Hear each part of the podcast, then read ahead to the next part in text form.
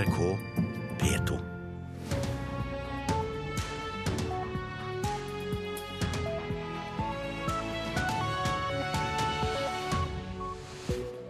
Og her er Øystein Heggen klar i studio for Nyhetsmorgen. Vi har disse sakene. Forbrukermyndighetene frykter at banker som tilbyr svært dyre forbrukslån, er på vei til Norge. Høyre er lei Senterpartiets kritikk av politireformen. Nå krever de svar på om Senterpartiet vil reversere den. Frykt øst i Ukraina etter nok et attentat mot en opprørsleder. Og eh, familien fra filmen 'Bølgen' skal oppleve en ny katastrofe i filmen 'Skjelvet'.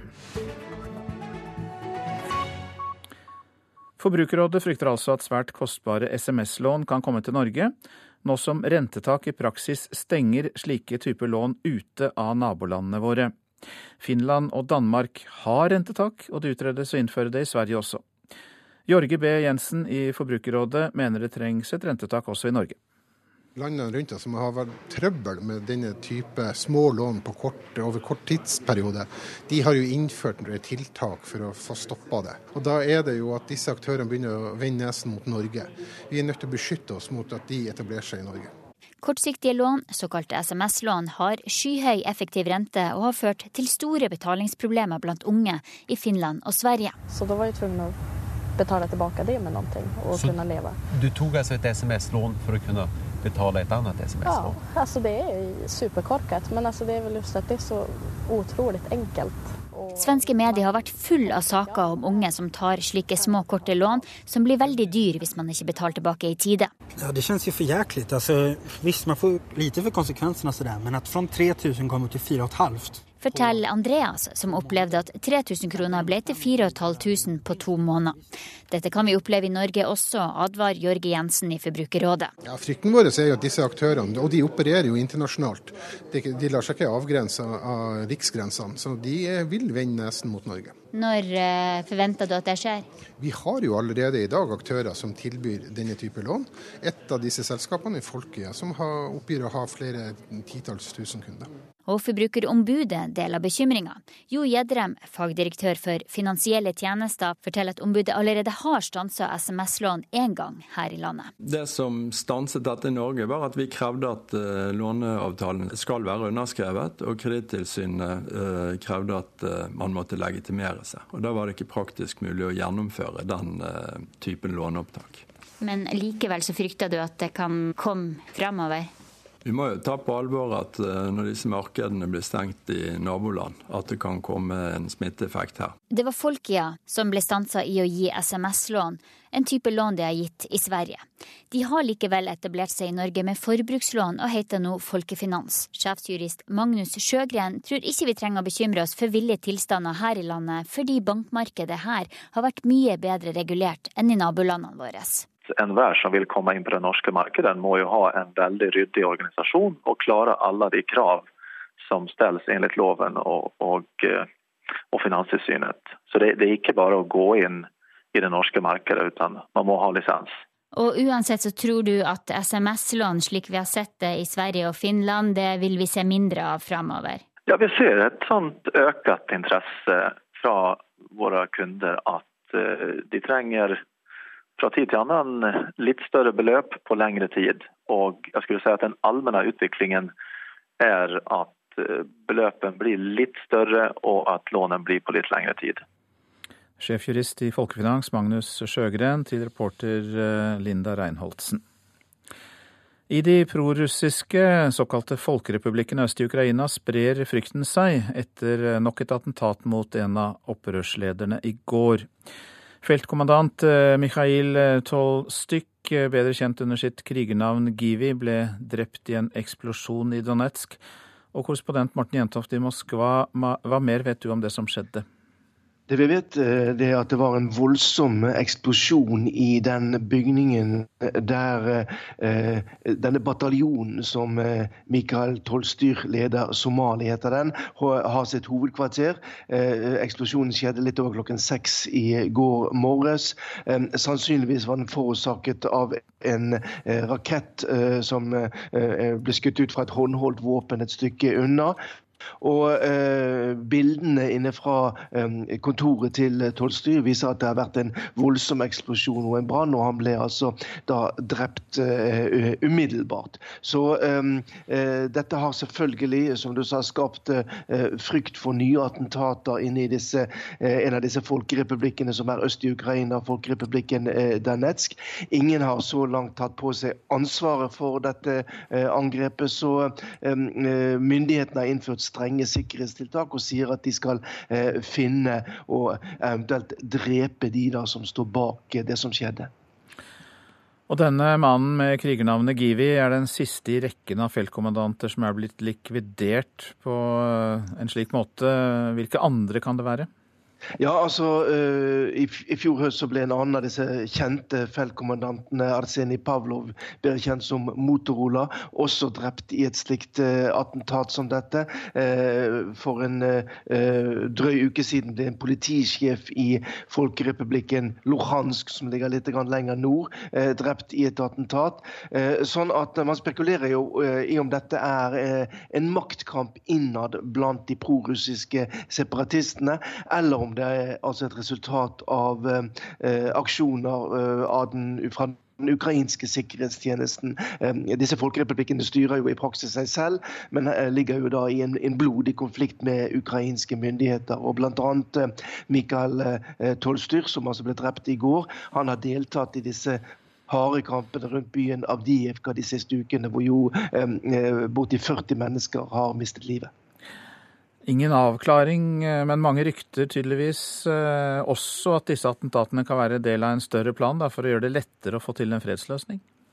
Det er det noen spekulerer i, fordi at eh, disse feltkommandantene har vært beinharde motstandere eh, mot enhver form for kompromisser med ukrainske myndigheter.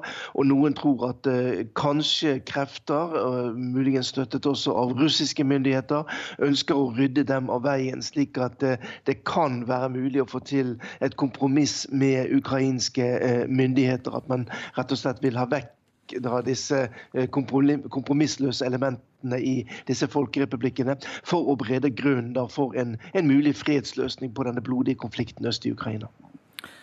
Fortsatt uro, frykt og attentater øst i Ukraina. Takk skal du ha, Morten Jentoft, som eh, rapporterte fra Moskva. Canadas eh, utenriksminister truer med mottiltak dersom USA innfører nye tollsatser på import fra Canada. Utenriksminister Christia Freeland sier den canadiske regjeringen er sterkt imot nye tollsatser, og at det vil bli motreaksjoner. Like skadelig for USA som nye satser ville blitt for eh, Canada.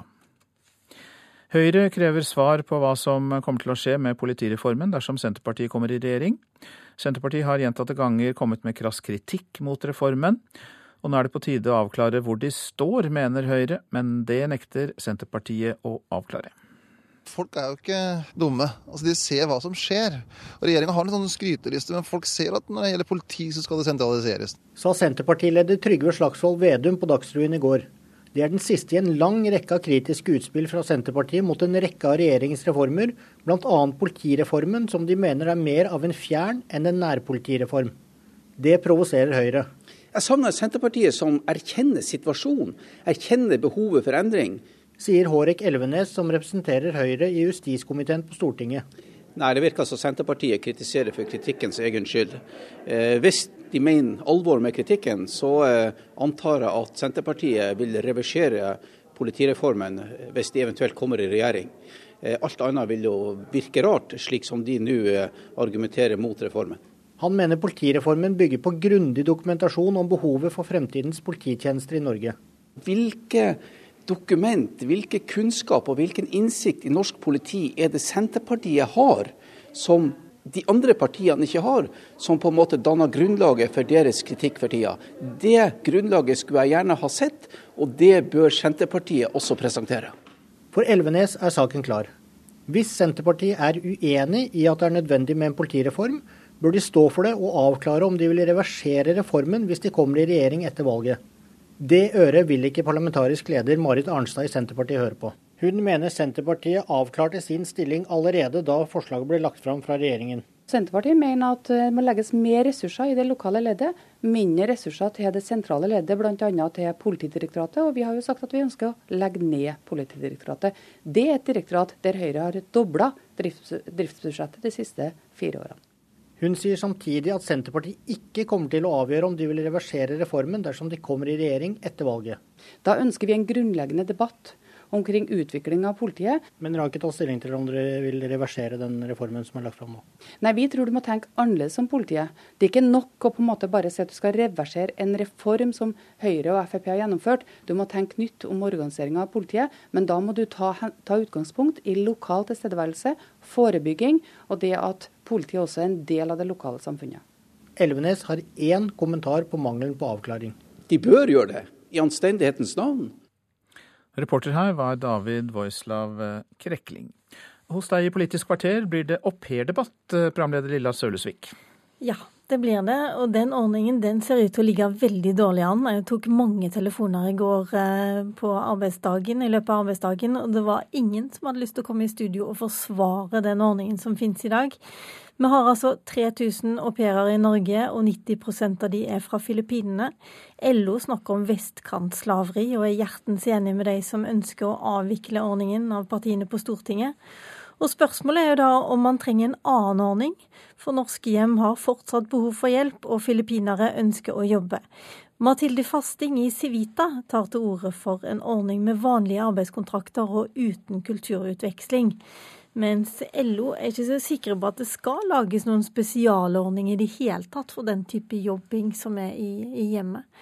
Og så I tillegg så skal vi ha besøk av EU, EØS-ministeren. Han skal snakke om helt andre ting, men det kan du høre om om en time. Ja, om temmelig nøyaktig en time. Politisk kvarter. Så er det til avisene og det de er opptatt av i dag. Marie frykter at hackere skal ta kontroll over hjertet hennes, skriver Adresseavisen.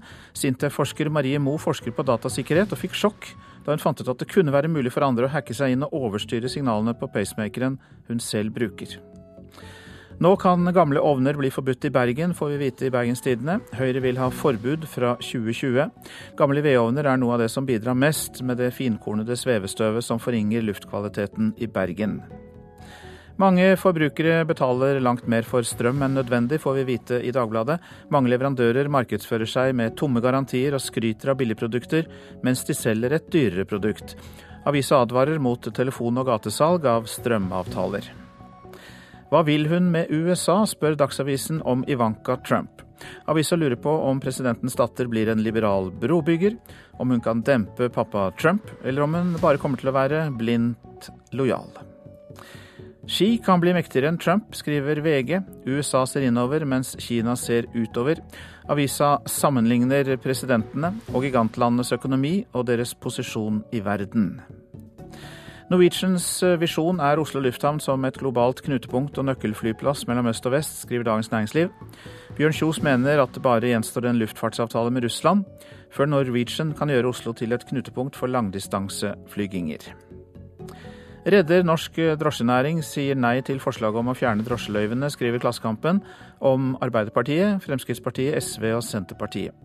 Men Høyre åpner for forslaget fra det regjeringsoppnevnte utvalget for delingsøkonomi om frislipp for drosjeselskapet Uber i norske byer. Det er 1,3 millioner private skytevåpen i Norge, kan Aftenposten fortelle. Antallet har økt de siste fem år. Regjeringen varsler en ny våpenlov i løpet av våren. Men problemet er ikke alle som har registrerte våpen, men alle som ikke er registrert, sier leder for Oslo skytesenter, Willy Røgeberg, til avisa.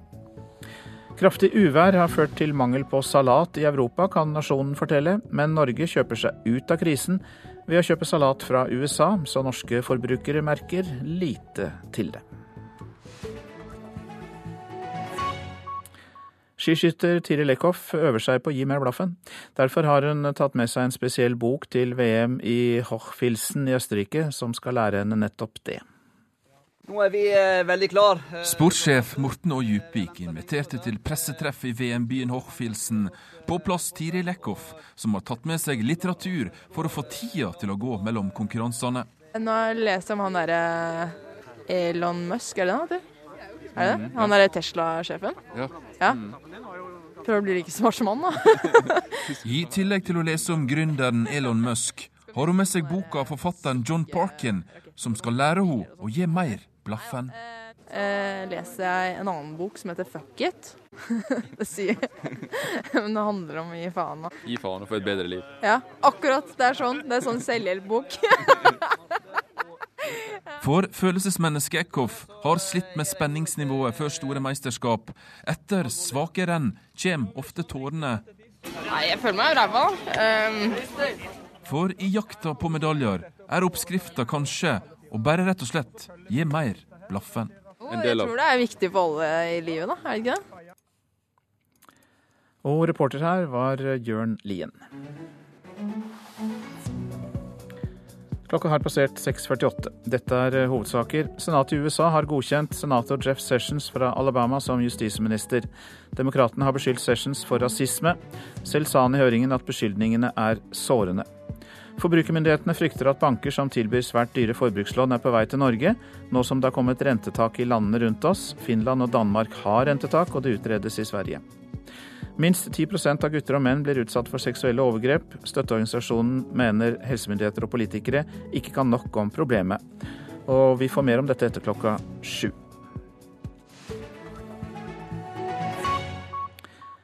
Nav skal bekjempe høyt sykefravær, men institusjonen selv har et fravær høyere enn landsgjennomsnittet. Det viser en gjennomgang NRK Trøndelag har gjort. I snitt ligger sykefraværet hos Nav i Trøndelag på 7,4 men enkelte kontorer ligger langt over det også. Vi ønsker jo selvfølgelig å ha et så lavt eh, sykefravær som eh, mulig, men eh, så er det jo sånn i Nav som i alle andre deler av arbeidslivet at folk er syke. De har influensa, de har omgangssyke, og vi har også folk med, med alvorlig sykdom. Men det er selvfølgelig viktig for oss å jobbe for et så lavt sykefravær som mulig. Er du fornøyd med tallene sånn som de er i dag? Sånn som de ligger per i dag, så har vi jo sett at de, helst sett at de skulle ha vært lavere.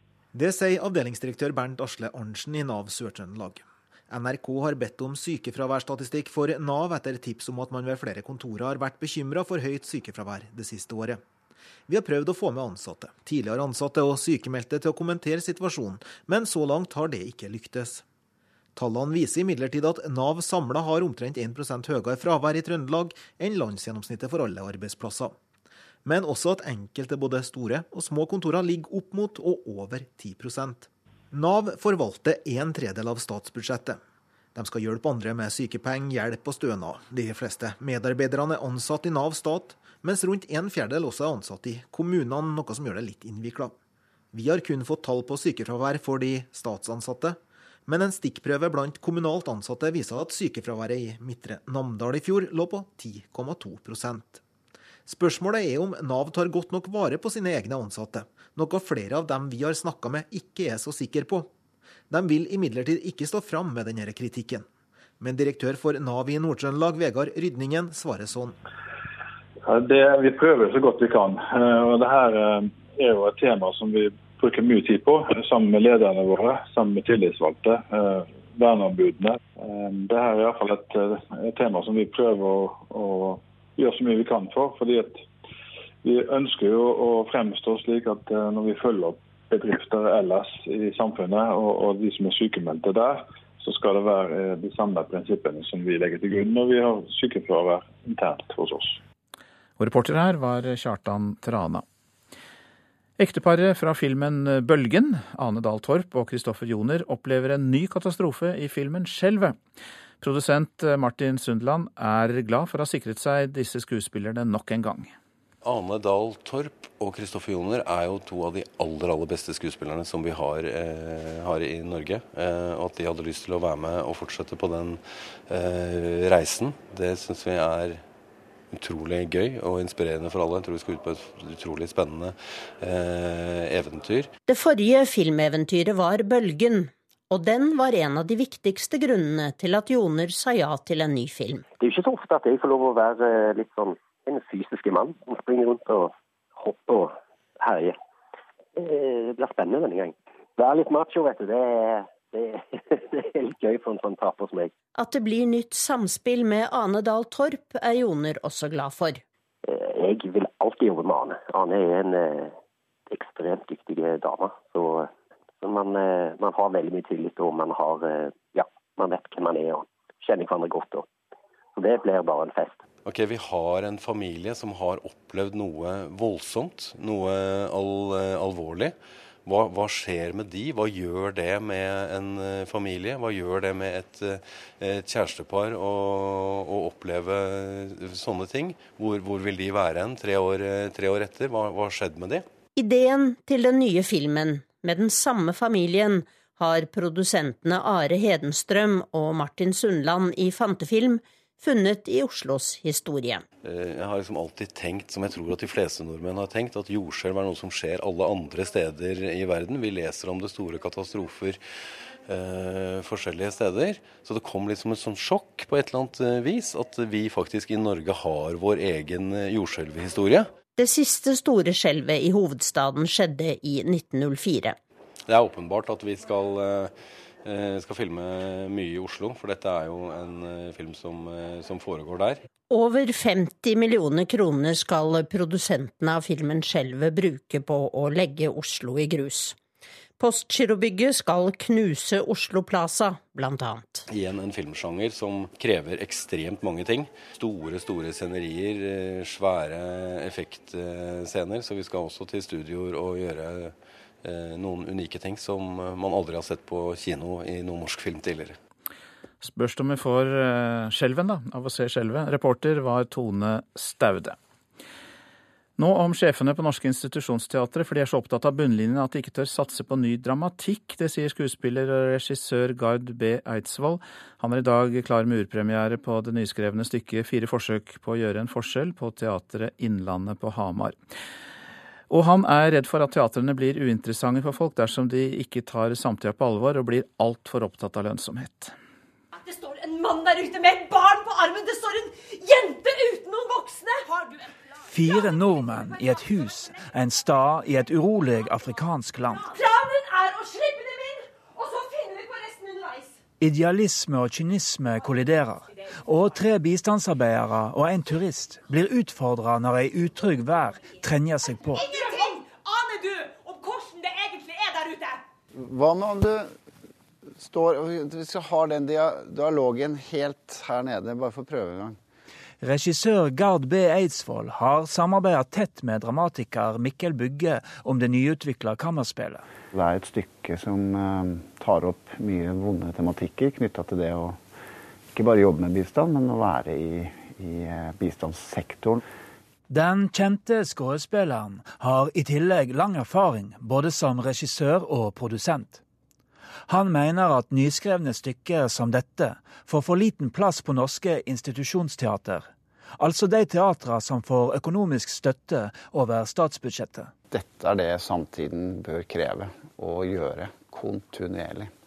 Eh, det er ikke en brannfakkel, men det er en alvorlig fakkel. fordi at hvis teatret skal overleve som institusjon eller som uttrykksmiddel, så må man gjøre samfunnsrelatert stoff eh, og knytta til folk i dag. Men om vi tar et kjapt blikk på vårprogrammet til flere av de største teatrene våre, så blir det i stor grad satsa på klassikere av til dømes Shakespeare, Molière, Holberg og Dostojevskij. Foreløpige tall innrapportert til Dramatikerforbundet viser at bare 13 av de 42 nyskrevne stykker som i fjor fant veien til en norsk scene, ble oppført på et institusjonsteater. Det er klart at vi, en, vi, lever i en tid hvor kommersialismen er eh, sterkere enn tidligere. Teatersjef Janne Langås ved Teater Innlandet er langt på vei enig med Eidsvoll. Men hun mener at flere institusjonsteater nå tar større ansvar for nyskreven norsk dramatikk enn for noen år tilbake.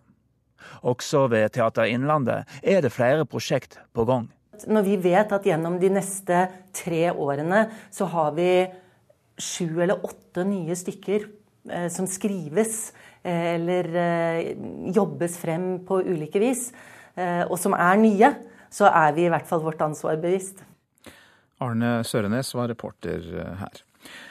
Siste uken i januar kom det 6,5% færre reisende med fly til USA enn i samme periode for et år siden. Antall ankomster fra de sju landene som eh, er omfattet av det omstridte innreiseforbudet, ble redusert med 80% i den uken forbudet ble praktisert. Så til et eh, værvarsel. Østland og Telemark. På kysten liten nordøstlig kuling. Nord og øst for Mjøsa lite eller ingen nedbør og gløtt av sol. Ellers blir det en del skyer og spredt snø. Agder på kysten oppe i stiv nordøstlig kuling. Skyet og litt snø. Mest snø i kystområdene og i innlandet i østlige strøk av Agder. Fjell i Sør-Norge. I Langfjella sørøstlig stiv kuling utsatte steder og delvis skyet. Litt snø øst i Langfjella, ellers opphold. Vi går til Rogaland og Hordaland. Stiv østlig kuling i utsatte fjell- og fjordstrøk. Noe skyet i Rogaland, ellers en del sol.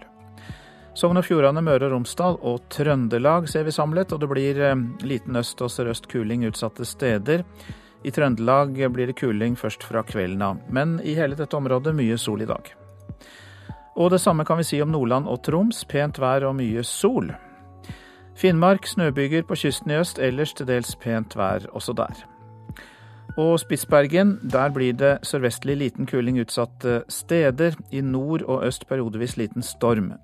I vest regn eller sludd, snø i høyden. Og øst på Spitsbergen stort sett opphold.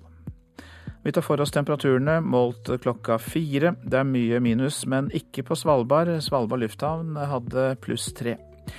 Kirkenes minus fire, Vardø pluss to. Alta og Tromsø-Langnes begge minus 10. Bodø minus 3. Brønnøysund minus 2. Trondheim-Værnes minus 10. Molde minus 7. Bergen-Flesland minus 6. Stavanger minus 3. Kristiansand-Kjevik minus 6. Gardermoen minus 9. Lillehammer minus 16. Røros er faktisk nede i minus 27 grader. Oslo-Blindern minus 6. NRK P2.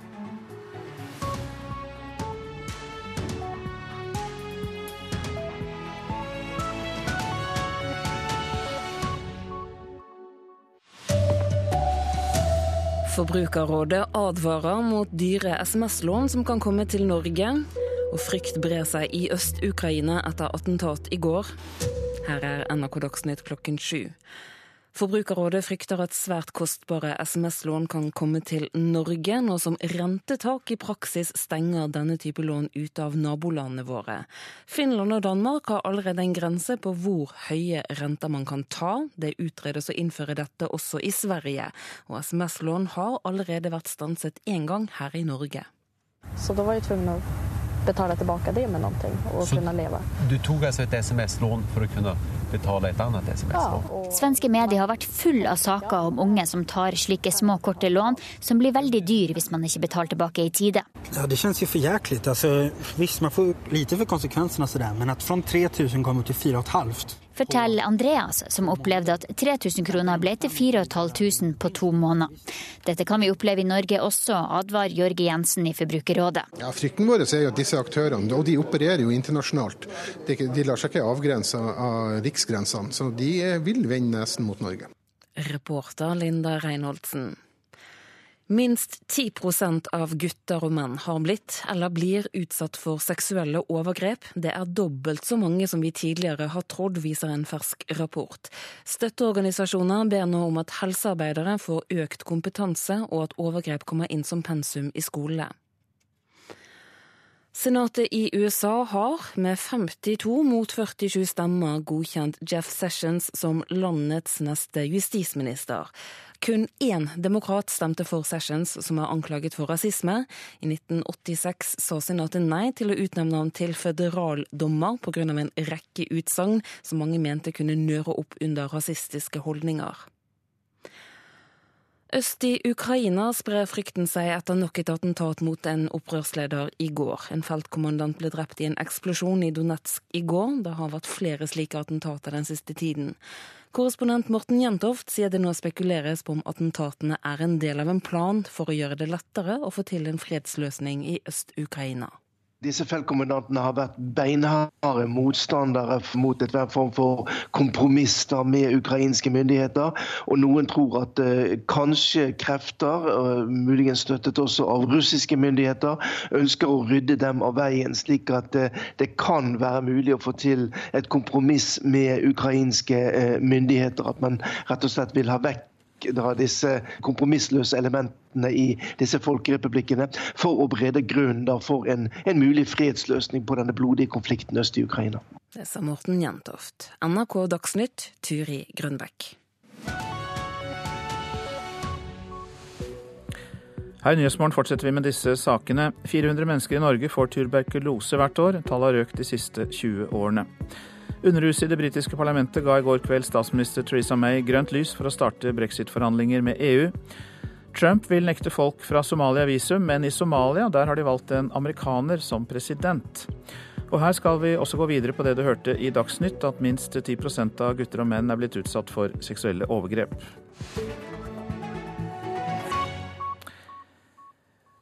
Og vi starter nettopp der eh, med at eh, blant gutter og menn eh, kan være 10% som er blitt utsatt for seksuelle overgrep. Tidligere er andelen beregnet til minst 5% men så er det altså en ny rapport som blir gitt til helseminister Bent Høie i dag, der det går fram at minst dobbelt så mange kan være rammet av dette. Ressurssenteret for menn og Senteret for seksuelt misbrukte menn har utarbeidet flere tiltak som de håper Høie vil ta stilling til for å avlive mytene om eh, seksuelle overgrep mot menn. For noen og tyve år siden så prøvde jeg å ta mitt liv. Eh, og så i, i den forbindelse så ba jeg om hjelp. Endre Føland ble selv utsatt for overgrep som barn. Da han som ung voksen søkte hjelp, forsto han at hjelpen ikke var så enkel å få. Det tilbudet jeg fikk, det var en ukentlig samtale med en av av kommunens leger. Det var før fastlegeordninga. Nå jobber han med å hjelpe andre overgrepsutsatte menn, og historiene han får høre, ligner hans egen. Mange sliter med å snakke om det, og flere søker hjelp først i voksen alder. Kunnskapsnivå om seinvirkningene som de voksne sliter med, som har opplevd det som barn, er det veldig litt kunnskap om. Gutter og menn sliter når de er utsatt for seksuelle overgrep. Are Såstad er leder for Reform ressurssenter for menn.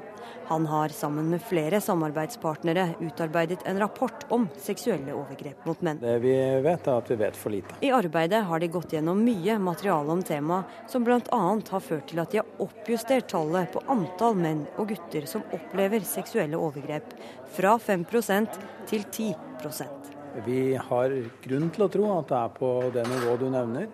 Men eh, det kan være mer, og det kan være mange grupper vi ikke har sett. Et stort problem ifølge fagfolkene er at vi som samfunn fortsatt har problemer med å erkjenne at også kvinner begår overgrep. Ifølge rapporten opplyser rundt halvparten av mannlige ofre at overgriperen har vært en kvinne.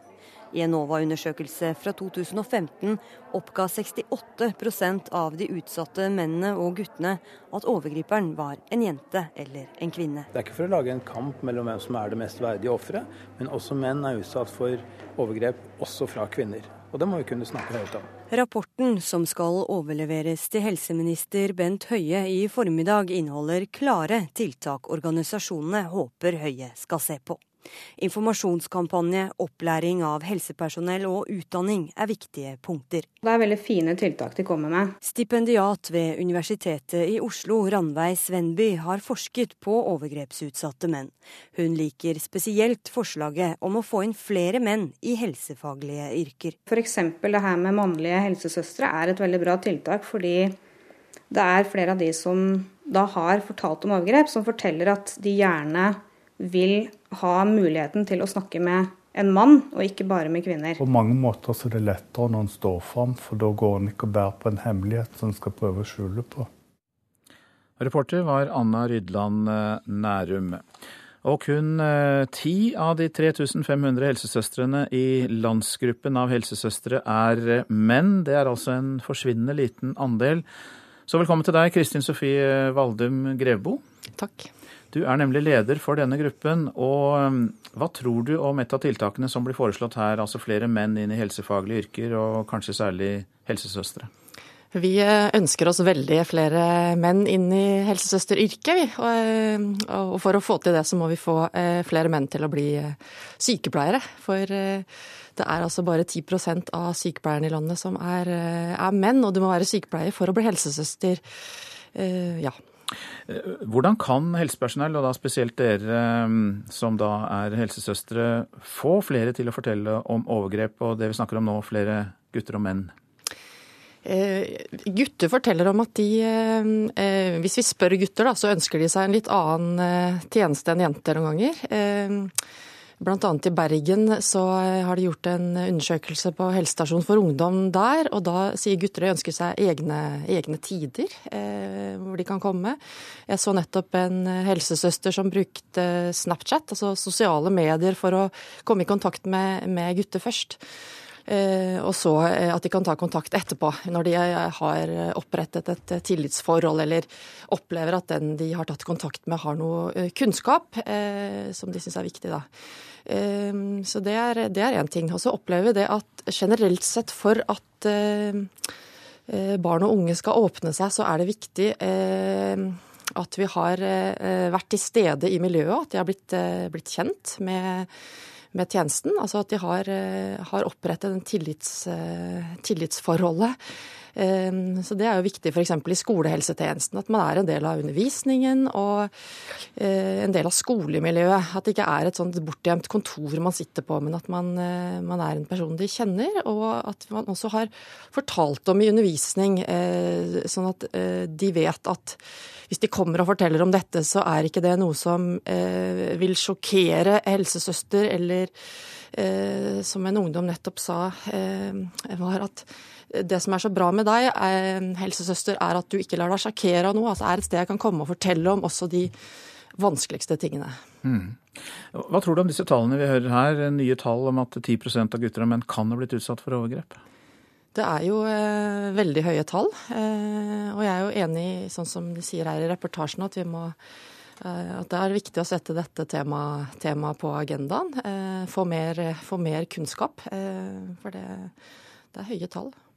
Du nevnte jo en mengde ting som dere kan gjøre som helsesøstre, bl.a. Vise dere fram mer på skolene, gå rundt i klassene. hvordan er det med den kompetansen dere har på dette området? Det, jeg tenker at dette er et uh, område hvor uh, helsepersonell generelt sett trenger, uh, trenger, stadig ny kompetanse. Altså det er stadig ny, ny, kunnskap. Og når det kommer en, en, ny undersøkelse også hvor man har snakket med, med, menn som har opplevd dette, så er jo det en ny kunnskap som, man, som, det er viktig å holde seg oppdatert på. Da. Så det, det tenker jeg hele tiden er viktig. Uh, altså, kunnskap er jo det er stadig utvikling, eh, så vi må, må følge med eh, hele tiden. Ja. Du eh, er jo da leder i denne gruppen, som altså er landsgruppen av helsesøstre. Og som jeg nevnte helt i starten, kun 10 av 3500 medlemmer er menn. Hva gjør dere i landsgruppen da, for å få flere menn inn i yrket?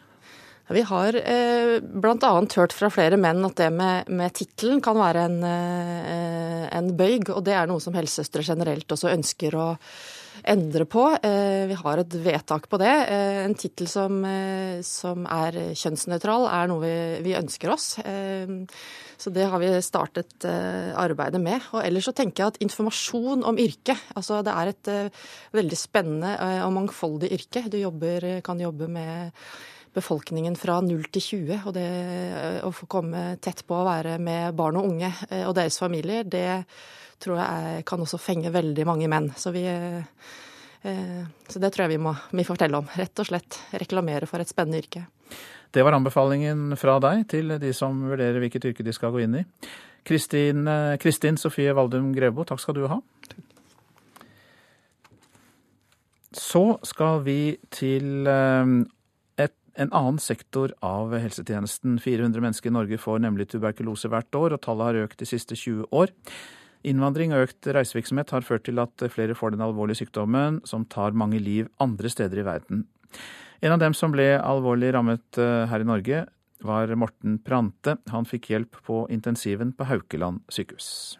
Det har gått tre uker, fire uker hjemme. Så var det kona som sa at nå er du blå på leppene, da får du ikke oksygen her nok. Morten Prante trodde han hadde influensa, men det som feilte han viste seg å være mye mer alvorlig. Så venta en uke, så gikk det ikke over, og så begynte jeg å hoste litt. og Så gikk jeg til legen, men eh, det var ikke noe sånn klassisk lungebetennelse heller. I ukevis hadde han følt seg dårlig. Etter mange tester kom konklusjonen på Haukeland sykehus. Han hadde tuberkulose. I Norge så er jo tuberkulose så sjelden at utfordringen er egentlig å tenke på det og stille diagnosen, men det forekommer fremdeles òg blant eh, eh, norskfødte. Det sier overlege Bjørn Blomberg på Haukeland universitetssykehus. Hvert år får omtrent 400 påvist tuberkulose her i landet. Det skyldes hovedsakelig økt reisevirksomhet og innvandring.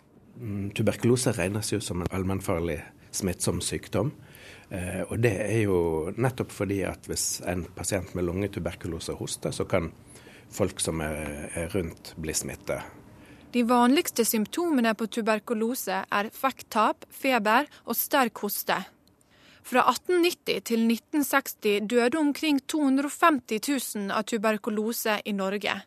Globalt tar sykdommen fortsatt mange liv. 1,8 millioner mennesker dør av tuberkulose hvert år. Vi skal inhalere saltvann uh, i ca. åtte minutter. På Haukeland viser sykepleier Ruth Elisabeth Hovden oss rommet hvor de tester pasienter for tuberkulose. Det blir enklere å hoste opp slim. Uh, og da skal de spytte opp i prøveglasset som står på bordet der. Pasientene må ta flere tabletter hver dag i seks måneder for å bekjempe sykdommen. Overlege Blomberg sier det er veldig alvorlig hvis pasienter glemmer seg bort. For da eh, vil det utvikle seg en type tuberkulose som er motstandsdyktig mot eh, behandlingen. Eh, for den er veldig vanskelig å behandle, og de eh, medisinene vi bruker da har veldig mye bivirkninger. For hver dag som gikk ble Prante verre. Til slutt ble han lagt inn på intensiven.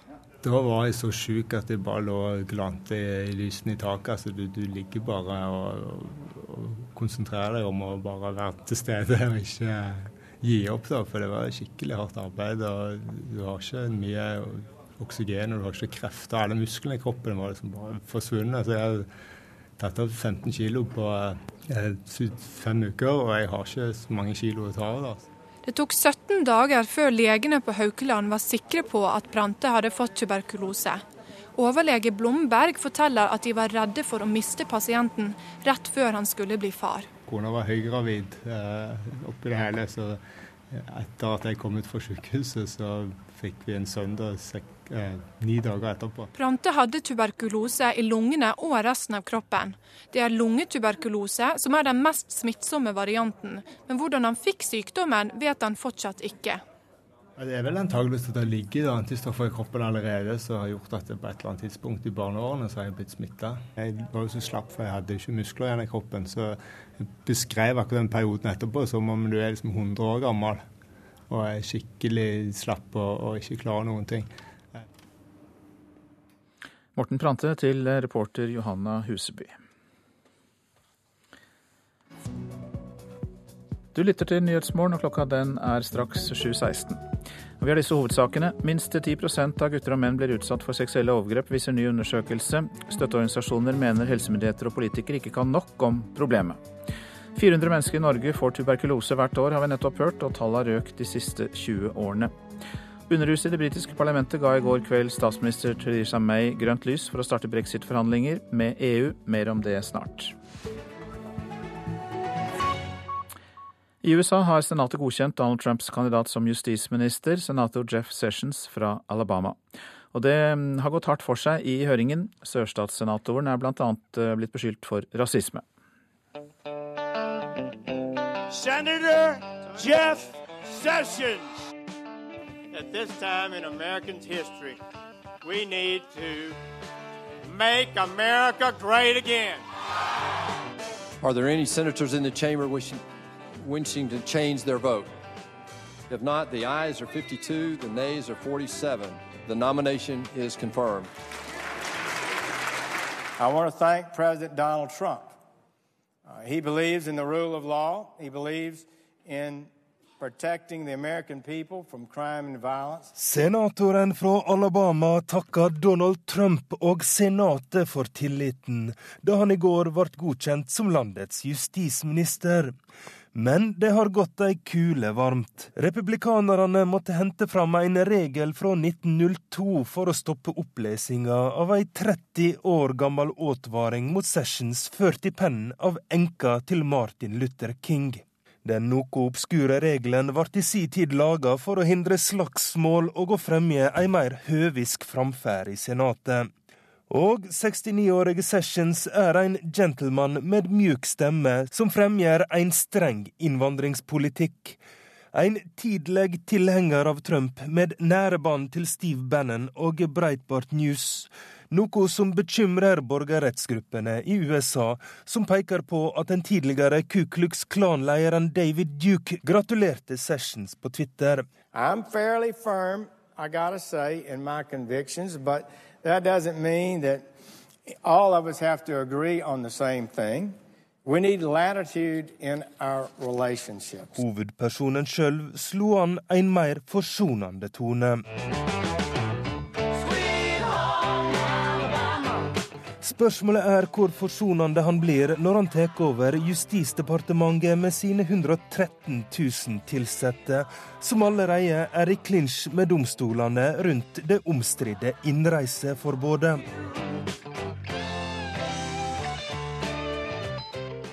Og reporter her var Roger Severin eh, Bruland. Underhuset i det britiske parlamentet nå, for de ga i går kveld statsminister Theresa May grønt, grønt lys for å starte brexit-forhandlinger med EU. Til tross for motstand fra skotske nasjonalister, liberaldemokratene og fra enkelte Labour-medlemmer, så ble det overveldende flertall. 494 for, 122 mot. Korrespondent Espen Aas, du er med oss. Hva var det de stemte over? Ja, Dette var den siste av flere avstemninger blant de folkevalgte over rett og slett teksten i regjeringens lovforslag om at den skal få sette i gang med utmeldelsesforhandlingene fra EU. Teksten har nå vært eh, debattert gjennom flere omganger, hvor representanten har kunnet komme med forslag til endringer eller tilføyelser, men Underhuset stemte den gjennom altså med et overveldende flertall uten en eneste endring. Så det å stanse britenes utmelding av EU, det toget er godt nå for parlamentarikerne? Vel, i teorien så kan det fortsatt skje noe, for teksten går nå videre til Overhuset. Eh, der sitter jo da utnevnte parlamentsmedlemmer, altså de som har titler som lorder, baronesser osv. Her har ikke regjeringen flertall, og teoretisk sett så kan de, om kanskje ikke stanse eh, utmeldelsen, så kan de både endre og forsinke godkjennelsen av lovteksten. Men eh, flere medier melder nå i dag om at eh, medlemmene av Overhuset har blitt advart fra regjeringen. Bøy dere for folkets vilje, eller risiker at vi legger ned hele Overhuset. Såpass, ja. Men det var viktig for parlamentarikerne å få anledning til å stemme over dette. Ja, dette ble jo et uh, prinsipp som til slutt uh, Høyesterett her måtte uh, avgjøre. I utgangspunktet mente regjeringen at den hadde fått et mandat av folket til å sette i gang utmeldelsesforhandlingene, fordi denne folkeavstemningen fra i fjor jo var vedtatt i parlamentet. Men mange mente at en sak som utmeldelse av EU var så viktig at her måtte demokratiet inn. Saken skulle debatteres av folkevalgte, den skulle stemmes over av folkevalgte, og så skulle regjeringen få lov til å utføre deres vilje, og slik ble det altså gjennom flere spennende rettsrunder. Hvordan var da denne debatten som pågikk en ukes tid? Ja, altså Den var jo utrolig intens, og mye mer intens enn det kanskje mange hadde trodd på forhånd. Riktignok ble det et solid flertall, men det var både nær et opprør mot denne lovteksten for bare et par dager siden. Flere ville nemlig ha tilføyd at det fremforhandlede resultatet mellom Storbritannia og EU også måtte godkjennes av parlamentet, hvis ikke så ville ikke godkjenne den. Eh, dette ble endret på, eh, men den har, da det har også skapt voldsom intern strid i det britiske arbeiderpartiet Labour, hvor EU-saken har uh, hatt mange uh, oppfatninger, eller særlig to uh, motstridende. og flere fremtredende personer har trukket seg fra sine viktige posisjoner i partiet i protest mot beskjeden fra deres leder Jeremy Corbyn om at partiet skulle støtte regjeringens lovforslag. Og 52 av de 231 representantene valgte å trosse hans beskjed. Eh, og partiet går dermed svært så splittet ut av hele debatten om utmeldelsen fra EU. Takk skal du ha, korrespondent i London Espen eh, Aase. Vi fortsetter med politikk, men eh, politikk på Afrikas Horn, i Somalia og presidentvalget. Det inneholdt nemlig et lite paradoks. President Donald Trump ville jo nekte folk fra Somalia visum, og så valgte Somalia en amerikaner som deres president i går. Afrikakorrespondent Sverre Tom Radøy, du er med oss. Hvordan henger det sammen? Nei, denne Mohammed Abdullah, eller eh, Farmacho som han blir kalt fordi han er så glad i eh, ost, han har bodd eh, mer eller mindre eh, siden 80-tallet i USA. Så han har altså amerikansk eller statsborgerskap fra USA og somalisk statsborgerskap. Og da kan han bli valgt i Somalia. Der må du være muslim, du må være over 40 år, du må ha somalisk statsborgerskap, og du må ha et sunt sinn for å være valgbar. Ja, men det kan komme godt med i Somalia, ikke minst. Men dette var vel da et indirekte valg som pågikk i Mogadishu, og hvordan er reaksjonene så langt? Reaksjonene er utelukkende positive, og ganske, folk er også ganske overrasket. Så man er altså det er, det er mye glede rundt dette valget, og det er en stor overraskelse. Ja, øh, Hvorfor er man så positiv til at denne mannen med klengenavnet Osteelskeren blir landets president? Nei, Det er fordi at øh, han var populær da han var eh, statsminister eh, i sin tid, bare åtte måneder riktignok. Men han ga altså da eh, det militære en fast månedslønn, noe, som virket veldig positivt på motivasjonen. Og han skal ha sittet som statsminister da Al Shabaab, disse voldelige islamistene, ble jaget ut av hovedstaden Mogadishu. Han skal også være forholdsvis ukorrupt i det som eh, Transparency International mener er verdens mest korrupte land, der en parlamentsplass eh, kostet opp mot 30 000 dollar. Og for å bli valgt som president eh, av mange av kandidatene, så fikk du som parlamentariker 100 000 dollar, ifølge noen kilder. Men han skal også ha gått utenom dette her, allikevel ha blitt valgt. Han er populær blant folket, og nå ble han også da valgt av de som kunne velge ham, nemlig nemlig parlamentarikerne. Så var det utfordringene. Hvilke er det han står overfor? Han sier selv at det er to saker som han først vil ta tak i, og det er korrupsjon og det er eh, Al Shabaab, også sikkerhet. Og da har han jo da eh, enorme, enorme, eh, nesten uoverstigelige utfordringer for korrupsjon, altså i verdens mest korrupte land og Al Shabaab, denne terroristorganisasjonen, som nå viser seg å være på, litt på frammarsj igjen. De som støtter kampen mot Al Shabaab, de er mer lunkne. Eh, fond, eh, donører er mer lunkne, EU er mer eh, lunkne, og også de som er militært kjemper mot ham. Så dette her blir vanskelig, men han er populær. Takk skal du ha, Afrikakorrespondent Sverre Tom Radøy. Hjem igjen til potetgull, leverpostei og Grandiosa, for det er fortsatt god butikk, viser det seg. Driftsresultatet til merkevareselskapet Orkla økte med 19% til 1,3 milliarder kroner i fjerde kvartal i fjor, har vi nå fått inn melding om.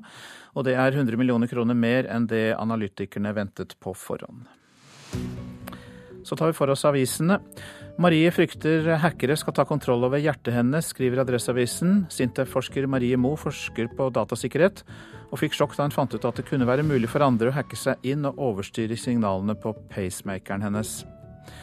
Nå kan gamle ovner bli forbudt i Bergen, får vi vite i Bergens Tidende. Gamle vedovner er noe av det som bidrar mest med det finkornede svevestøvet som forringer luftkvaliteten i byen.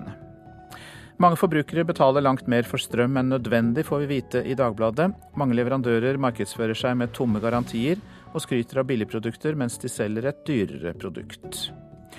Hva vil hun med USA, spør Dagsavisen om Ivanka Trump. Avisa lurer på om presidentens datter blir en liberal brobygger, om hun kan dempe pappa Trump, eller om hun bare kommer til å være blindt lojal. Kinas president Xi kan bli mektigere enn USAs Trump, skriver VG. USA ser innover, Kina ser utover. Avisa sammenligner gigantlandenes økonomi og posisjon. Norwegians visjon er Oslo lufthavn som et globalt knutepunkt og en nøkkelflyplass mellom øst og vest, skriver Dagens Næringsliv. Bjørn Kjos mener at det bare gjenstår en luftfartsavtale med Russland for å få det til. Redde norsk drosjenæring sier nei til forslaget om å fjerne drosjeløyvene, skriver Klassekampen om Arbeiderpartiet, Fremskrittspartiet, SV og Senterpartiet. Høyre åpner for forslaget fra det regjeringsoppnevnte utvalget for delingsøkonomi om å slippe til Uber, men det gjør altså ikke de andre partiene vi nevnte. 95% av all norsk torsk eksporteres til det europeiske markedet, men importørene og Sjømatrådet advarer. De mener at kvaliteten på store deler av fisken vi selger ikke er god nok. Den spanske mesterkokken gestikulerer og forklarer. På tallerkenen på den velrenommerte Madrid-restauranten er en delikat rett av norsk torsk i ferd med å bli serveringsklar. Og den ferske torsken, den kommer fra Finnmarkskysten. Men han som sørger for at den norske fisken havner på det spanske markedet, er ikke fornøyd. 70% av fisken har nemlig for dårlig kvalitet, forteller importør Alberto Alfonso. Maybe, uh, 29 30% of the fish is a very nice quality, but the other, the rest is no good quality.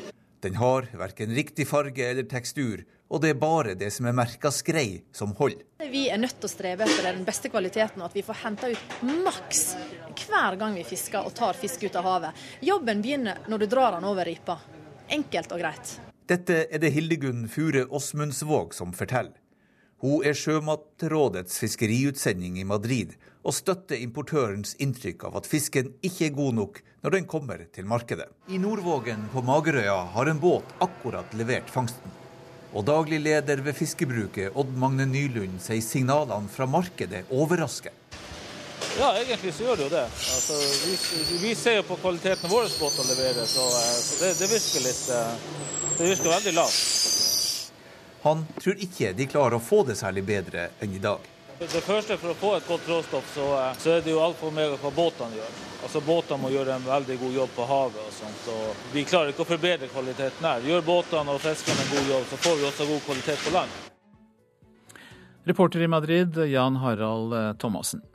Prosent for Nyhetsmorgen i dag, Marit Selmer eh, Nederlid. Her i studio, Øystein Heggen. NRK P2.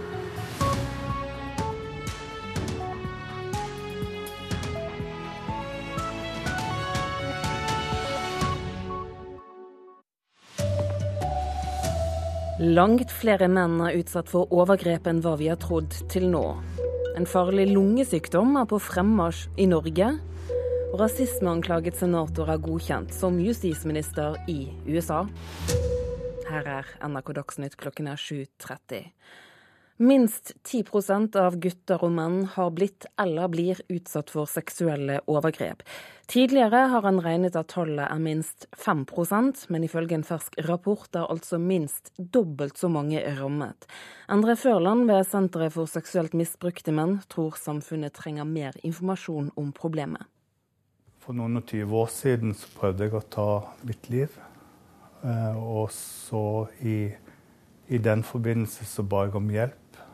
Endre Førland ble selv utsatt for overgrep som barn. Da han som ung voksen søkte hjelp, forsto han at hjelpen ikke var så enkel å få. Det tilbudet jeg fikk, det var en ukentlig samtale med en av, av kommunens leger. Det var før fastlegeordninga. Nå jobber han med å hjelpe andre overgrepsutsatte menn, og historiene han får høre, ligner hans egen. Mange sliter med å snakke om det, og flere søker hjelp først i voksen alder. Kunnskapsnivå om seinvirkningene som de voksne sliter med, som har opplevd det som barn, er det veldig litt kunnskap om. Gutter og menn sliter når de er utsatt for seksuelle overgrep. Are Såstad er leder for Reform ressurssenter for menn. Han har sammen med flere samarbeidspartnere utarbeidet en rapport om seksuelle overgrep mot menn. Det vi vet er at vi vet for lite. I arbeidet har de gått gjennom mye materiale om temaet, som bl.a. har ført til at de har oppjustert tallet på antall menn og gutter som opplever seksuelle overgrep, fra 5% til 10 Vi har grunn til å tro at det er på det nivået du nevner, men det kan være mer. Det kan være mange grupper vi ikke har sett. Så forskningsinnsats på dette området her, å avdekke hva som faktisk er situasjonen, er et prioritert område for oss å peke på behov for å gjøre noe med. Reporter var Anne Rydland Nærum. Forbrukerrådet frykter at svært kostbare SMS-lån kan komme til Norge, nå som rentetak i praksis stenger denne type lån ute av nabolandene våre. Kortsiktige lave lån, såkalte SMS-lån, har skyhøy rente. Det har ført til store betalingsproblemer blant unge i Finland og i Sverige. Så da var jeg tvungen å betale tilbake det med noe og Så kunne leve. Du tok altså et SMS-lån for å kunne betale et annet SMS-lån. Svenske medier har vært full av saker om unge som tar slike små, korte lån, som blir veldig dyr hvis man ikke betaler tilbake i tide. Ja, det kjennes jo for jæklig. Altså, visst, man får lite for konsekvensene, men at fra 3000 kommer til 4500 forteller Andreas, som opplevde at 3000 kroner ble til 4500 på to måneder. Dette kan vi oppleve i Norge også, advarer Jørge Jensen i Forbrukerrådet. Ja, frykten vår er at disse aktørene, og de opererer jo internasjonalt, de, lar seg ikke avgrense av riksgrensene, så de vil vende nesen mot Norge. Og Forbrukerombudet deler bekymringa. Jo Gjedrem, fagdirektør for finansielle tjenester, forteller at ombudet allerede har stansa SMS-lån én gang her i landet. Det som stanset dette i Norge, var at vi krevde at uh, låneavtalen skal være underskrevet, og Kredittilsynet uh, krevde at uh, man måtte legitimere seg. Og Da var det ikke praktisk mulig å gjennomføre den typen låneopptak. Det var Folkia som ble stansa i å gi SMS-lån.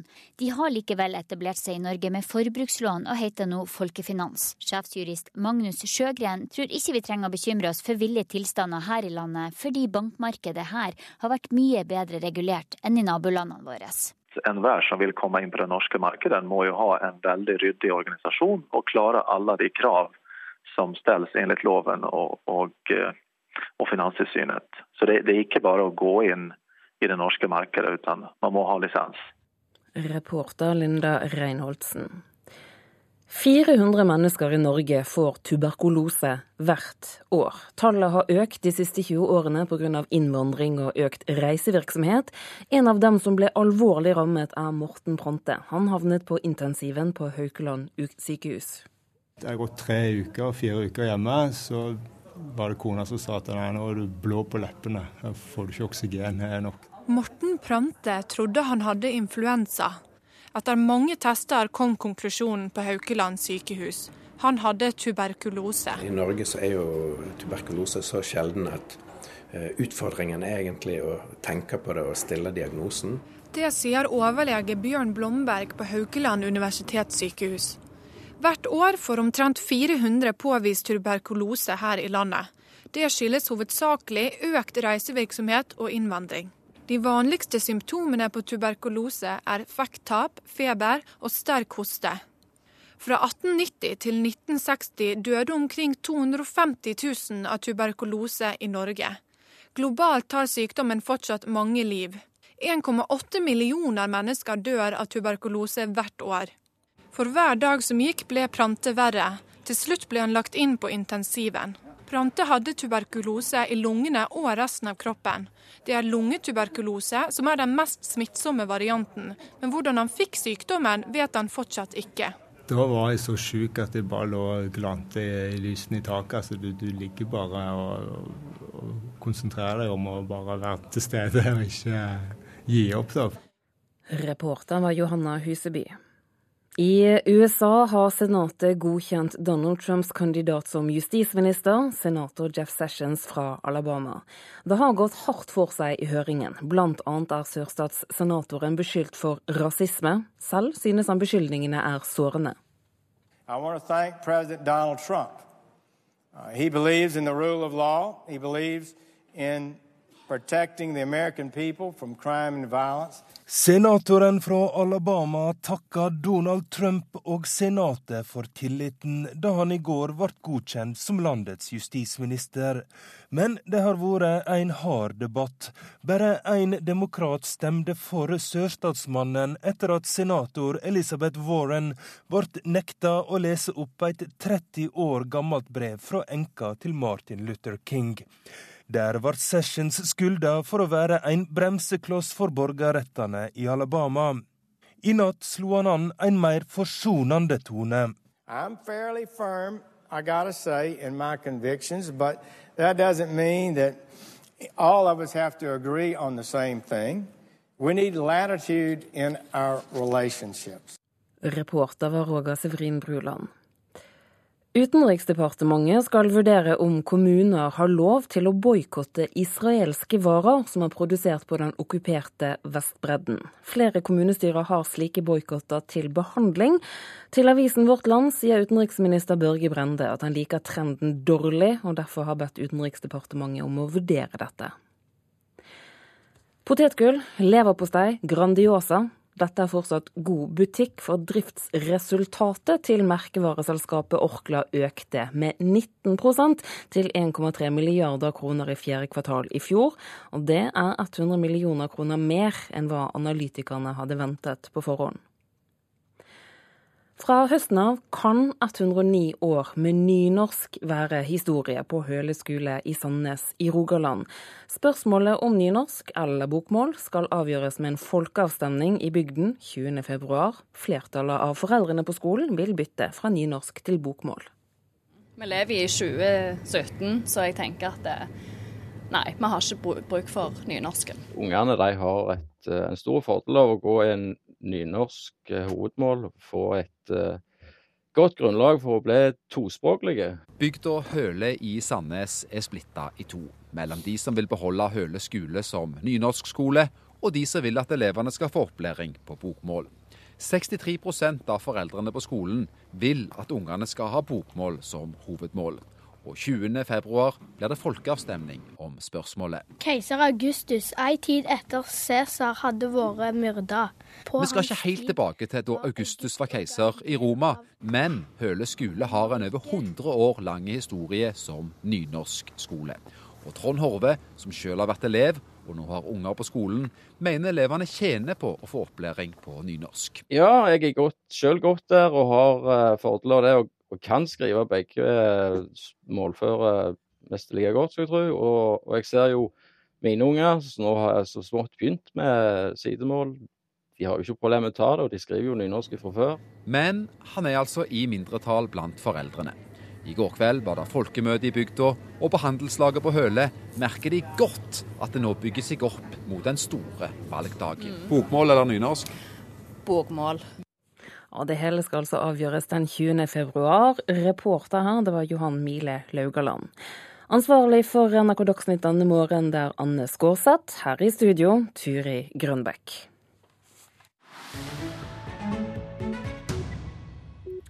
Det som er helt sikkert, er at du lytter til Nyhetsmorgen. Det er fortsatt mange mennesker som hadde tenkt seg til USA den dagen innreiseforbudet kom, eh, og som fortsatt er strandet på flyplasser rundt om i verden. Nå har de fått en ny mulighet, fordi innreiseforbudet som president Trump innførte er opphevet inntil videre.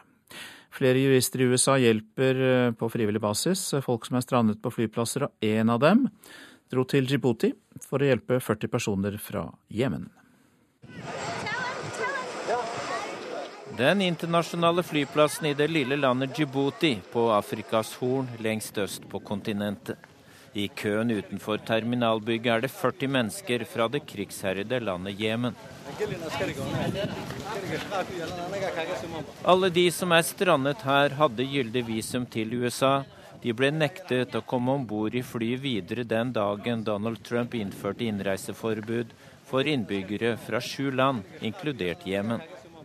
Nå som innreiseforbudet er midlertidig opphevet, har de med gyldig visum en mulighet til likevel å komme seg inn i USA. De må være raske.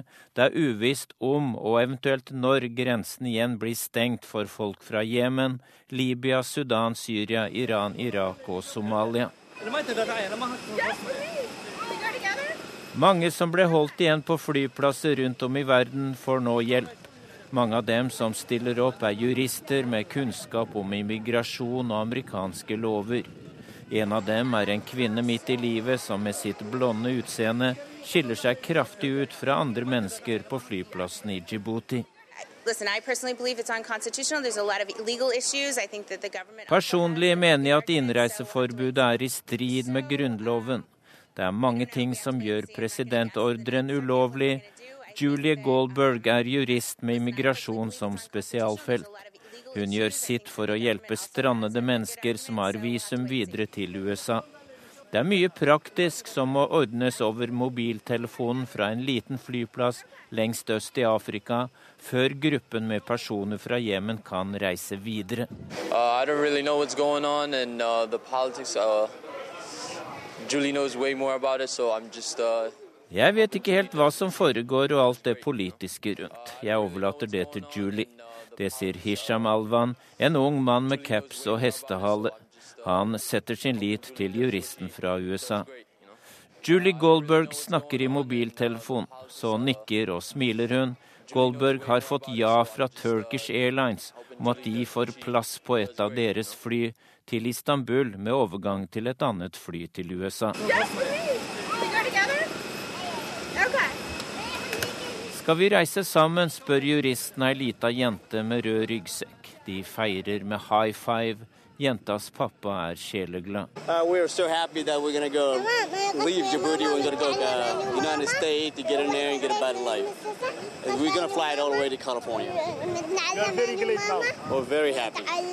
Vi er lykkelige over at vi kan dra til USA og starte et bedre liv der. Vi skal fly til California.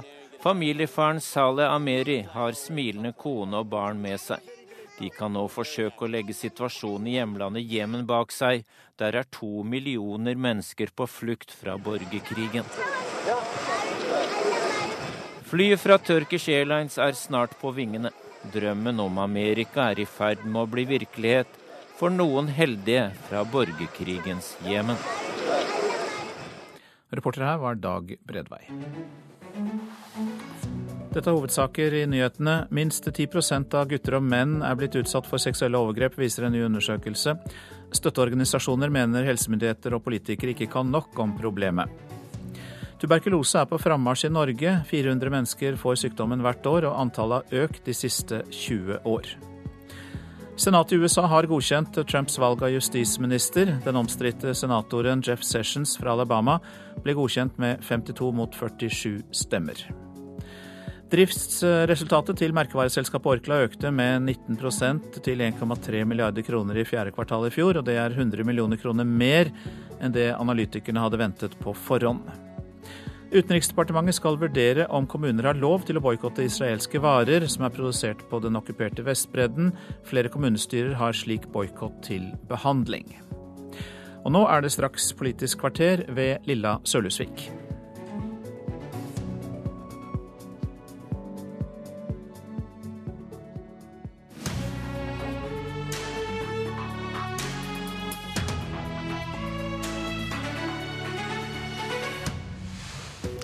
Aupairordningen synger på siste verset. Mange partier mener tida er overmoden for å skrote ordningen, som LO velger å kalle vestkantslaveri. Men hva er alternativet? For ingen tror vel at det blir færre som trenger hjelp hjemme. God morgen og velkommen til Politisk kvarter, der vi også skal få besøk av den nye EU- og EØS-ministeren. Men det blir senere. Først velkommen førstesekretær Pegge Hessen Følsvik i LO. Takk for det. Hvorfor kaller du aupairordningen vestkantslaveri?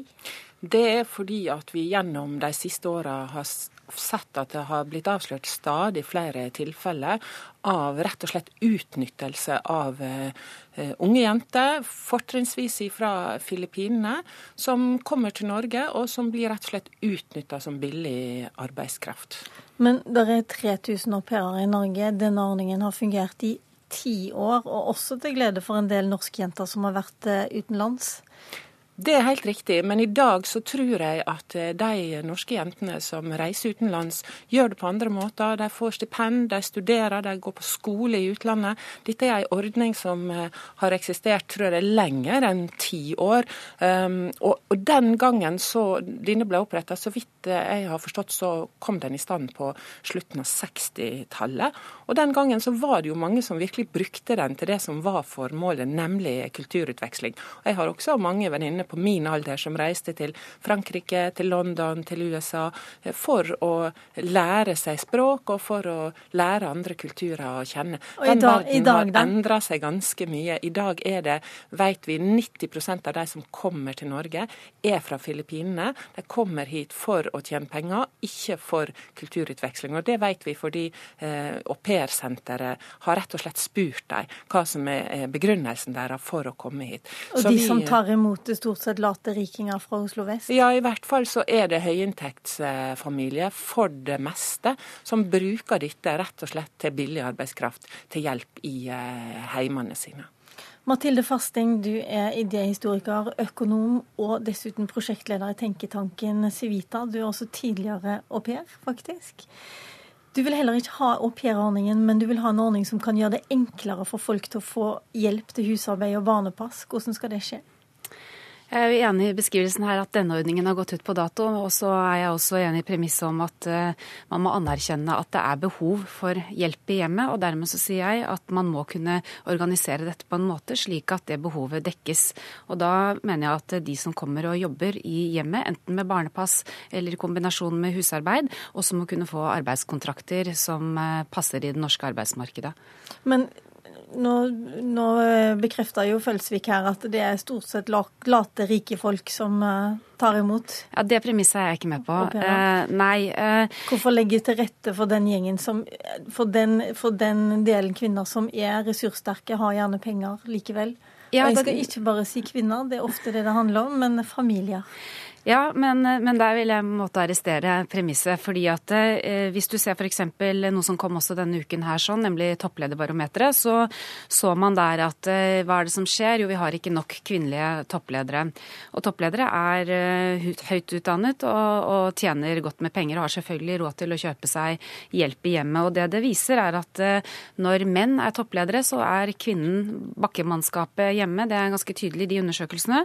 Men motsatt så er det verre. Hvis kvinnen forsøker seg på en topplederkarriere, så har ofte mannen den tilsvarende karrieren, og de trenger hjelp. Og det er også andre, altså mellomledere og i det hele tatt eh, mennesker som arbeider mye, både med mor og far, vil trenge hjelp i hjemmet utover kanskje bare det som det offentlige tilbyr, barnehageplass. La oss ta, la oss ta det, det, poenget der, fordi det, det er helt riktig, Følsvik, at den oversikten viser at eh, Norge er lavt nede på alle barometre når det gjelder å ha kvinnelige toppledere. Og ja, det er, kan ikke det, det hjelpe riktig. hvis de får litt hjelp hjemme? Jo, det kan godt hende. Jeg vil jo si at uh, den uh, situasjonen som beskrives her, vil jo for meg for det første si at her har vi en, en situasjon der likestillinga i uh, heimen er problematisk. Det første som burde skje her, var jo kanskje at disse mennene som da uh, savna bakkemannskap, når, når kvinnene opplever det samme, så burde jo mennene også være villige til å fire litt på, på sine jobber krav, sånn at de kunne komme hjem igjen og bidra til at eh, heimelivet går i hop. Så her er det snakk om manglende likestilling også på heimefronten. Det er et viktig problem i seg sjøl. Og der har jo ikke Men når eh, det ikke skjer, hva gjør man da? Når det ikke skjer, så kan det godt hende at det er enkelte som har behov for hjelp i heimen. Det må vi ordne på andre måter enn å importere billig arbeidskraft fra Filippinene. Er det det du egentlig tar til orde for? Altså, Man må kunne i hvert fall anerkjenne at det er et behov for hjelp, uavhengig av om eh, familien er eh, toppledere eller hva de er for noe. Om de trenger hjelp i hjemmet og ønsker å kjøpe hjelp i hjemmet, så bør de kunne få lov til det på en ålreit måte. Og det er ordninger for det i Norge i dag. Det vi egentlig snakker om, er om filippinere skal få lov til å bruke de ordningene. Og jeg tok en liten titt på Canadas hjemmeside for eh, tilsvarende type jobber, og de har gjort to ting, så vidt jeg kunne se på en veldig rask eh, titt. Det ene er at de har fremdeles en slags slags aupairordning der. De kaller det ikke for det, men der har de valgt ut hvilke land som kan søke på den ordningen. Og så har de også noe som de kaller live-in caregivers, som er en annen type arbeidskontrakt, også tidsbestemt kanskje, som, som, gjør at man kan betale for å få hjelp i hjemmet på en vanlig måte. Og det som arbeidsgiver og arbeidstaker i dag også kan gjøre, f.eks. med vaskehjelper, som er fullt mulig i det norske systemet i dag, det er jo å, betale det det koster for det. Det er lønn og det er arbeidstid. Og sånn som aupairordningen i dag, som bare er fem timer. Det er også, eh, som har vært påpekt her, man kommer for å, å, jobbe. Det gjør jentene som kommer. Og de som mottar dem, ønsker også at de skal jobbe. Så derfor så, så vil ikke den ordningen i en eller annen form for kulturutveksling fungere, for de blir rett og slett misbrukt. Når du, når du har såpass mye motstand mot den type ordninger, eh, Følsvik, er det fordi du egentlig syns at folk skal vaske sjøl? Hente ungene sine sjøl? Dette handler ikke om det. Dette handler om at vi nå ser ei gruppe eh, jenter jenter som kommer til Norge, som rett og slett ender opp her som underbetalte hushjelper. Og det vil jo har... ikke fasting ha? Nei, nå kjenner ikke jeg disse ordningene som fasting eh, beskriver her. Det viktigste poenget for oss er at vi får eh, ordninger der de som kommer skal jobbe i private eh, heimer, får betalt etter norske lønns- og arbeidsvilkår. Og også at dette knyttes eh, til en form for tilsyn. At de ikke eh, blir utnytta på de plassene der de jobber.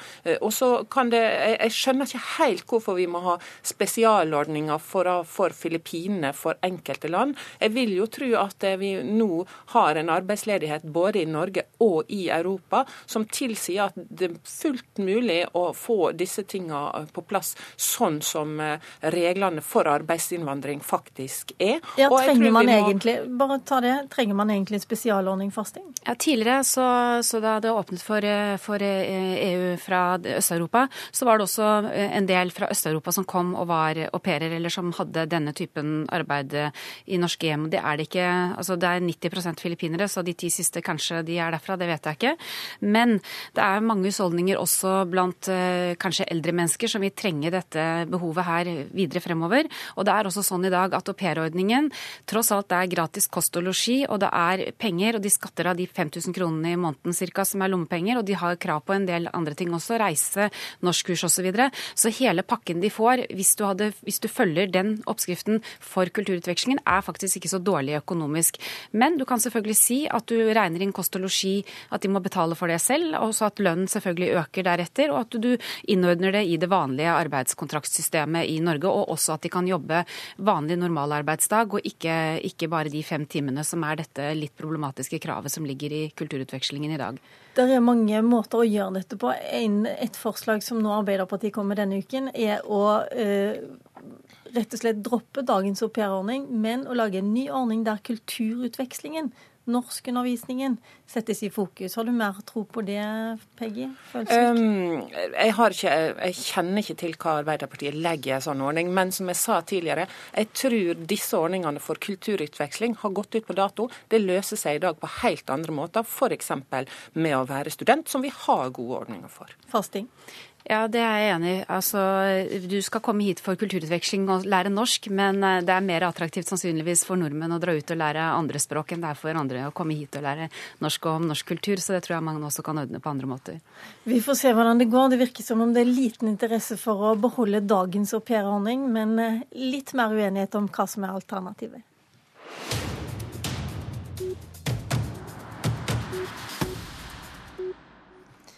Vi skal skifte tema, selv om sosial dumping av utenlandsk arbeidskraft også bekymrer de mange som nå tar til orde for å droppe hele EØS-avtalen og heller satse på en handelsavtale med EU. Frank Bakke-Jensen, du er ny EU-, EU og EØS-minister og har allerede, har allerede hatt jobben i nesten to måneder. Velkommen. Takk, takk. Lederen for Europabevegelsen har vært ute og sagt at han nå er veldig bekymra for EØS-avtalen. Er du også det? Nei, eh, det er jeg faktisk ikke. Jeg har, eh, jeg, men jeg ønsker en debatt om EØS-avtalen velkommen. Jeg mener det er den, den viktigste avtalen, eh, internasjonale avtalen Norge har. Hva kan en sånn debatt føre til, egentlig?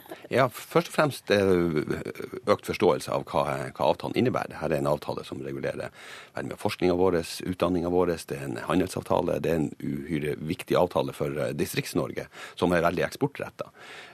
Sånn at først og fremst en, en må vi ta debatten for å, for å, forstå hva avtalen er, hvor omfattende den er, og hvor viktig den er for, for Norge. Men de som nå tar debatten, det er bl.a. fagbevegelsen, som frykter at stadig flere kommer fra mye Øst-Europa. De kommer på dårlige kontrakter. Det er knapt nordmenn igjen på enkelte arbeidsplasser, eh, særlig i byggenæringen. Mm. Det er den samme eh, frykten som har ført til eh, brexit, det er det mange som, som bruker som en forklaring, i hvert fall. Mm. Rundt omkring i, i, Europa så er det særlig mye motstand mot dette med fri flyt av arbeidskraft. Skjønner du ikke at det, den redselen kan bli så stor at de ønsker å bytte ut hele avtalen? Jo, eh, på et vis kan du, kan du, si det, men vi skal også være klar over at her er det nyanser. Husk på at EØS-avtalen eh, e har også ført til at norsk fagbevegelse har fått gode verktøy for, oss, for å reise ut, jobbe godt med, med arbeidsspørsmål ute i, i, nabolandene, avtalelandene våre.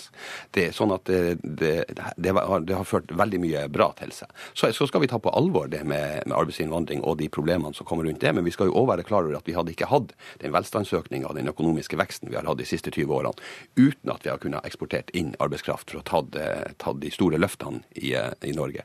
Så har vi store forskningsprosjekt som, som vi får lov å være med, av, med, på gjennom avtalen. Vi har altså Som et lite land så får vi tilgang på store, sterke forskningsmuskler. og fremfor alt så er det en regulert avtale som gjør at vi kan, vi kan forhandle og diskutere de, den, de her problemstillingene med samarbeidslandene våre innenfor avtalen. og Det mener jeg er den store styrken.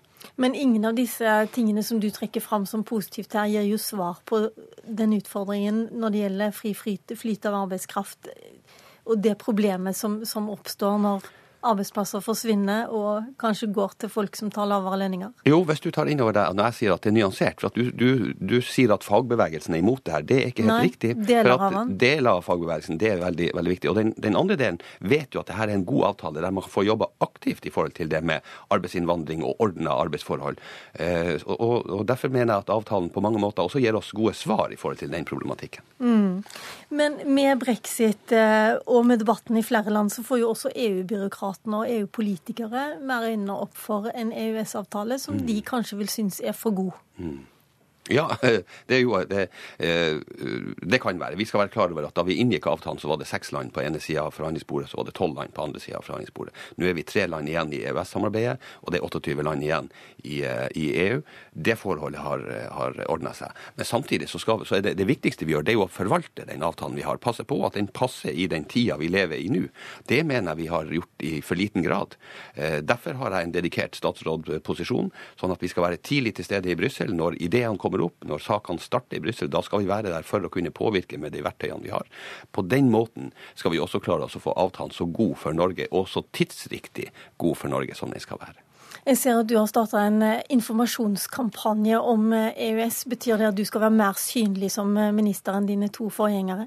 Nei, det, med, det, altså, det er jo det, som, søkt, det som er viktig for oss, det er at debatten rundt EØS-avtalen er viktig. At samarbeidet vi har med europeiske land er viktig, og det skal vi synliggjøre. Så, så er ikke kampanjen større enn at vi bruker leserinnlegg, vi bruker innleggene jeg holder rundt omkring. Vi, vi, jeg snakker om det når jeg får lov å komme hit.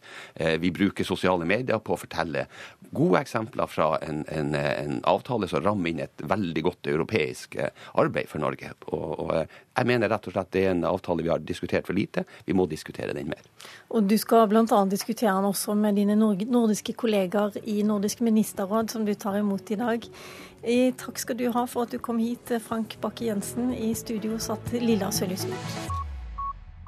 Hør flere podkaster på nrk.no podkast.